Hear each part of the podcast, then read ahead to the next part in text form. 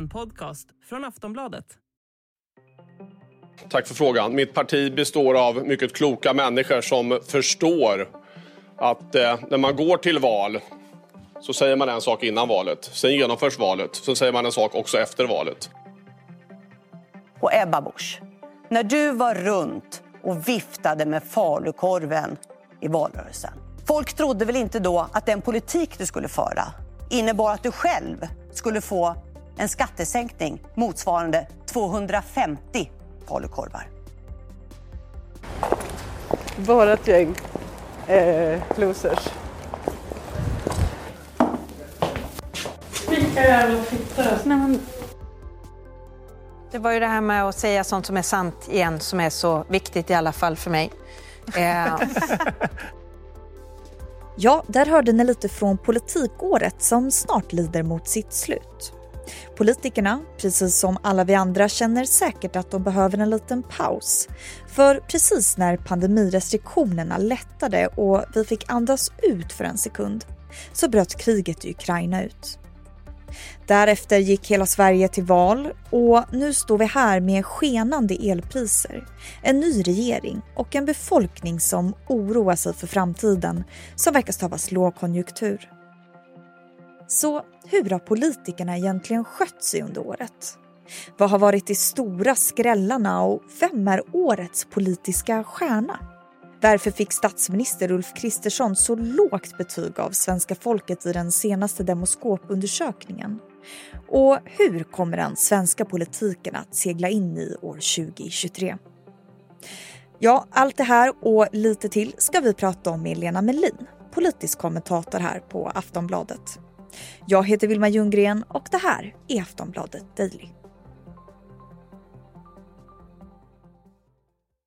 Hej Lena! Hej! Kan du sammanfatta det här politikåret med tre ord? Ja, det kan jag. Covid, Ryssland, val. Mm, tre tunga grejer alltså. Om vi ska utvärdera våra svenska politiker lite, vem har varit årets stjärna enligt dig?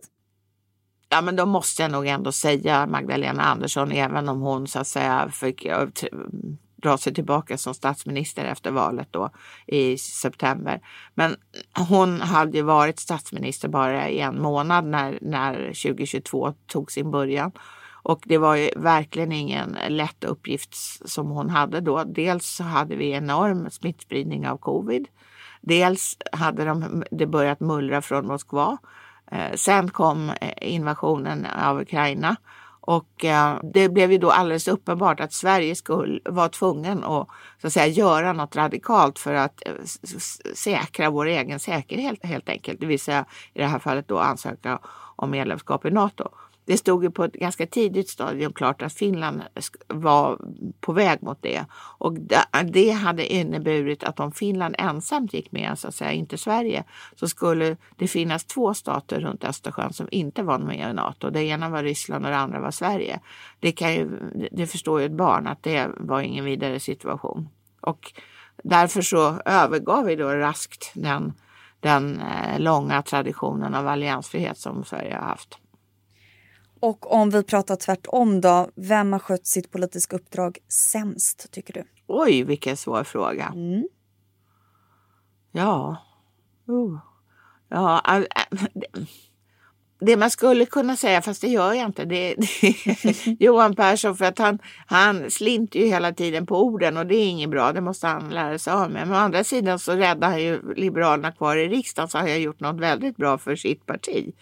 Uh, men jag tror han måste lära sig att prata i alla fall uh, lite bättre och uh, mer stringent. Mm. Men han var inte kanske sämst utan ja du. Han får lite både och.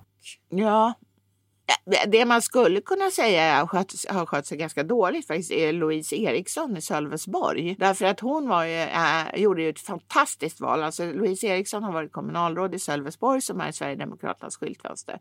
Och äh, de fick närmare 39 procent av rösterna. Ändå blev de, fick, förlorare av makten. Och det, det måste ju vara måste säga, oslagbart dåligt. Även exfru till Jimmie Åkesson va? Så de ja. går verkligen olika karriärsår det här Ja, året. det får man säga. Mm. Och vad är då anledningen till att Åkesson hade så mycket vind i seglen under 2022? Vad är nyckeln till hans framgång? Alltså man ska ta, eh, spalta upp skillnaderna jämfört med 2018. Då fanns ju Alliansen i 2018 års val. De, de ville absolut inte samarbeta med Sverigedemokraterna. Sen sprack ju Alliansen och orsaken var ju just inställningen till eh, Sverigedemokraterna. Och de eh, tre partier eh, som vid det här laget, alltså inför valdagen, hade sagt att de mycket väl kunde tänka sig att, att samarbeta med Sverigedemokraterna. De kunde ju också göra budgetar tillsammans med dem och där, därmed var ju så att säga eh, lyckan gjord för Sverigedemokraterna. För lyckan var också gjord för Ulf Kristersson. För Ulf Kristersson hade inte blivit statsminister utan de valframgångar som Sverigedemokraterna eh, hade. Eh, de tre partierna som nu sitter i regeringen var ju alla förlorare. De tappade stöd i valet men Sverigedemokraterna gick framåt. Och tillsammans eh, så fick de här eh, fyra partierna då 176 mandat i riksdagen.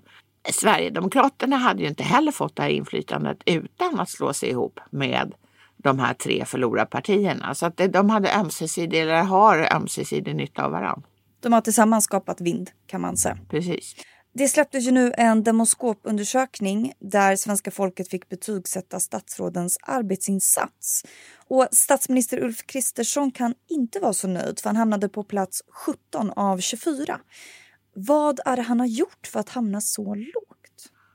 Det, det, det, stora problemet för regeringen är ju att de inte har kunnat infria sina va populära vallöften. Och det gäller ju både sänkningen av, av eh, bensinskatten och skatten på diesel, det gäller elskatten och det, det gäller en hel del annat också, till exempel skatten på, på ISK-sparande och ehm, ja, de har också slopat den här miljöbilsbonusen som också var väldigt poppis. Så de har väldigt mycket emot sig just nu och um, därför går det väldigt dåligt. Precis som du säger, det här gäller ju även Ebba Busch. Hon hamnade på plats 20 och Johan Persson på plats 21. Vad ska de göra då för att vända den här trenden? Ja, antingen så kan de hoppas på att allting blir bortglömt. Och det kan mycket väl hända för minnet är kort i politiken. Men det, jag skulle inte våga satsa på det om jag var dem utan jag skulle nog ändå försöka få till det här elprisstödet, det som retar människor mest, att det inte har blivit av på det sätt som regeringen lovade i, i, i, inför valet på något sätt. Eh, just det som regeringen lovade från början, det vill säga att högkostnadsskydd är helt omöjligt att införa och det visste man ju, det borde de ha förstått redan då, det gjorde de flesta andra, därför det kan kosta hur mycket som helst. Men det man måste se till är ju att Dels att de här pengarna som ehm, för det gångna året, alltså från första oktober förra året till och med september, eh, att de betalas ut någorlunda raskt. Men sen så tror jag också att man måste förlänga elprisstödet precis som de här partierna faktiskt lovade. Eh, eh, så att det gäller även den innevarande vintern då ju priserna är betydligt högre än de var förra, förra vintern och det är det, de pengarna som, eh, som hushållen och företagen väntar på nu. Sen måste de göra någonting åt företagen som inte har fått något besked överhuvudtaget. Om vi ska prata lite om de som det ändå går bra för. Högst upp på den här demoskoplistan hamnade Paul Jonsson, vår försvarsminister. Han fick alltså högst betyg av svenska folket och han ska ju styra skutan medan vi har krig i Europa. Det är inte ett lätt uppdrag. Hur tycker du att han har skött sig hittills? Ja, jag, jag, tycker inte att man har sett så väldigt mycket av honom men det, de gånger han har poppat fram så har han väl gjort det intryck som man ska göra som försvarsminister. Ungefär att man typ säger ingenting utan verkar fast och övertygande. Eh, det var Peter Hultqvist melodi och Paul Jonsson verkar ha tagit efter det. Och det var ju väldigt, det gick ju bra för Peter Hultqvist. Han, han toppade också ofta de här listorna. Alltså, vi mäter ju den här, den här eh, vad svenska folket tycker, hur, hur, de, hur bra de tycker ministrarnas arbetsinsatser har varit under året en gång per år. Och förra året så toppades den listan då av den dåvarande försvarsministern. Så att det är det här lite, det verkar vara det här lite kärva budskapet, det går hem. Men de är ju å andra sidan väldigt ordhålliga så att eh, det kanske finns något att lära där för övriga, eh, inte bara statsråd utan övriga politiskt aktiva. kan det vara så att de i alla fall inte gjort någonting fel? Liksom? Nej, nej, precis. De har inte gjort något fel. Och det, försvaret och för, krigsmaterielexport och allting som är förknippat med det här, kränkningar av svenskt territorium och så vidare. Allt är ju omgärdat av otroligt mycket säkerhet och därför säger ju de oavsett vem som är försvarsminister, säger ju sällan för mycket. Det är ju inte någon eh, liksom sån här hepp hepp människa som får ett sånt jobb, utan det är de här som säger, som yttrar väl inrepeterade fraser och därmed ger ett tryggt intryck. Aftonbladet Daily är snart tillbaka. Want flexibility? Take yoga. Want flexibility with your health insurance? Check out United Healthcare Insurance Plans. Underwritten by Golden Rule Insurance Company, they offer flexible, budget friendly medical, dental, and vision coverage that may be right for you. More at uh1.com.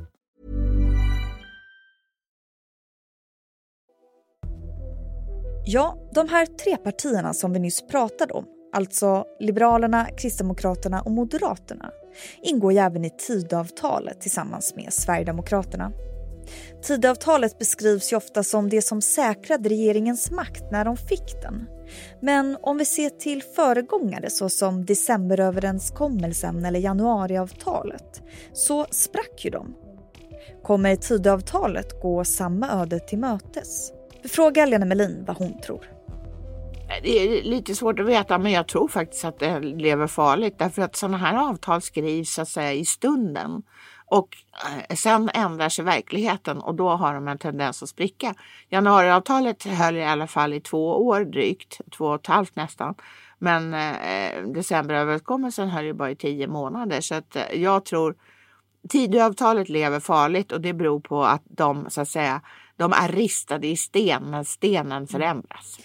Det har ju varit ett turbulent år på väldigt många vis. Vi, det var i krig som vi nyss nämnde, skenande elpriser, det har varit val. Vad har förvånat dig mest under politikåret?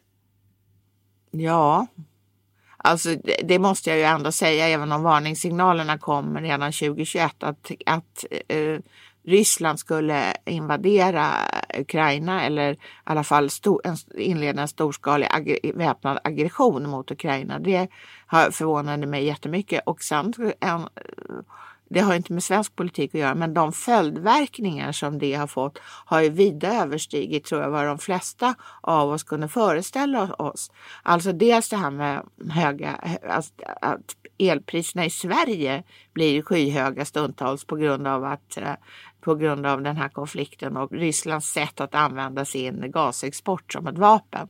Det tror jag inte så många hade fattat, att vi plötsligt skulle stå utan så här, och, sol, eh, och solrosolja och, och, och, eh, och gödsel tror jag inte heller så många hade föreställt sig.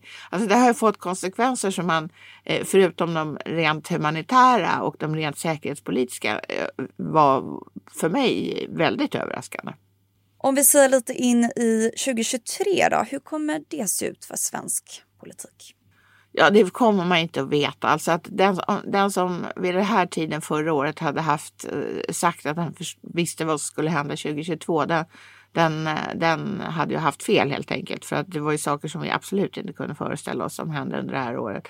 Men det man redan nu kan se äh, kommer att eh, vara viktiga under det kommande året det är ju såklart den, den ekonomiska nedgången, de höga prisökningarna, ähm, det fortsatta kriget i Ukraina. Det finns ju, där finns ju ingenting som tyder på att det kommer att vara slut inom ens nästa år just nu. Och ähm, det kommer ju att prägla vår, vår vardag på ett sätt som äh, Eh, ja, det kommer att vara tungt. Sen har vi en avtal, stor avtalsrörelse nästa år i Sverige. Där kommer löntagarna tycka att de har fått alldeles för lite pengar och eh, handeln kommer att Många kommer bli, bli, bli av med jobbet, särskilt inom sådana sektorer som drabbas när människor känner att de inte har så mycket pengar att röra sig med. Som till exempel handel och, och ja, industrin som har med turism att göra. Mm. Men de här ekonomiska prognoserna som ser allt sämre ut enligt eh, Konjunkturinstitutet så kommer vi gå in i en lågkonjunktur till i alla fall 2025. Mm. Vad kommer vi se för åtgärder från regeringen? Alltså det här är ju en ganska svår lågkonjunktur att göra något åt därför att uh, den ser dels ut att bli ganska långvarig och sen så, uh, alltså, vi har, det är ju länge sedan det var en lågkonjunktur överhuvudtaget. Så att uh, Ehm, med det sagt så kommer den här ändå bli ett par år lång som det ser ut just nu. Och det är klart man kan stimulera ekonomin eh, jättemycket men samtidigt så vill ju regeringen inte göra det. Därför att man är rädd för att eldar man på hushållens så att säga, köpkraft så kommer vi fortsatt ha den här höga inflationen och den är ännu sämre för både hushållen och, och svenska ekonomi i största allmänhet än att man har det lite knapert under ett par år. Och vad blir den största politiska skandalen 2023? I wish I knew. Då skulle jag ju publicera det snabbast möjligt. Nej, jag har ingen aning. Vi får se. Jajamensan. Jag hoppas att vi får en bankskandal. Det piggar alltid upp. Du har hört Aftonbladet Daily med Lena Melin, politisk kommentator här på Aftonbladet. Jag som gjorde det här avsnittet heter Vilma Ljunggren och önskar dig en god jul och ett gott nytt år så hörs vi snart igen.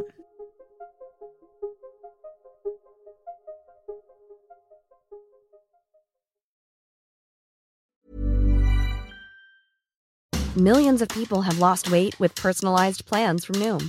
Like Evan, who can't stand salads and still lost 50 pounds. Salads generally for most people are the easy button, right? For me, that wasn't an option. I never really was a salad guy. That's just not who I am. But Noom worked for me. Get your personalized plan today at Noom.com. Real Noom user compensated to provide their story. In four weeks, the typical Noom user can expect to lose one to two pounds per week. Individual results may vary. Du har lyssnat på en podcast från Aftonbladet. Ansvarig utgivare är Lena K Samuelsson. Tired of ads barging into your favorite news podcasts? Good news. Ad-free listening is available on Amazon Music. For all the music plus top podcasts included with your Prime membership. Stay up to date on everything newsworthy by downloading the Amazon Music app for free or go to amazon.com slash news ad free. That's amazon.com slash news ad free to catch up on the latest episodes without the ads.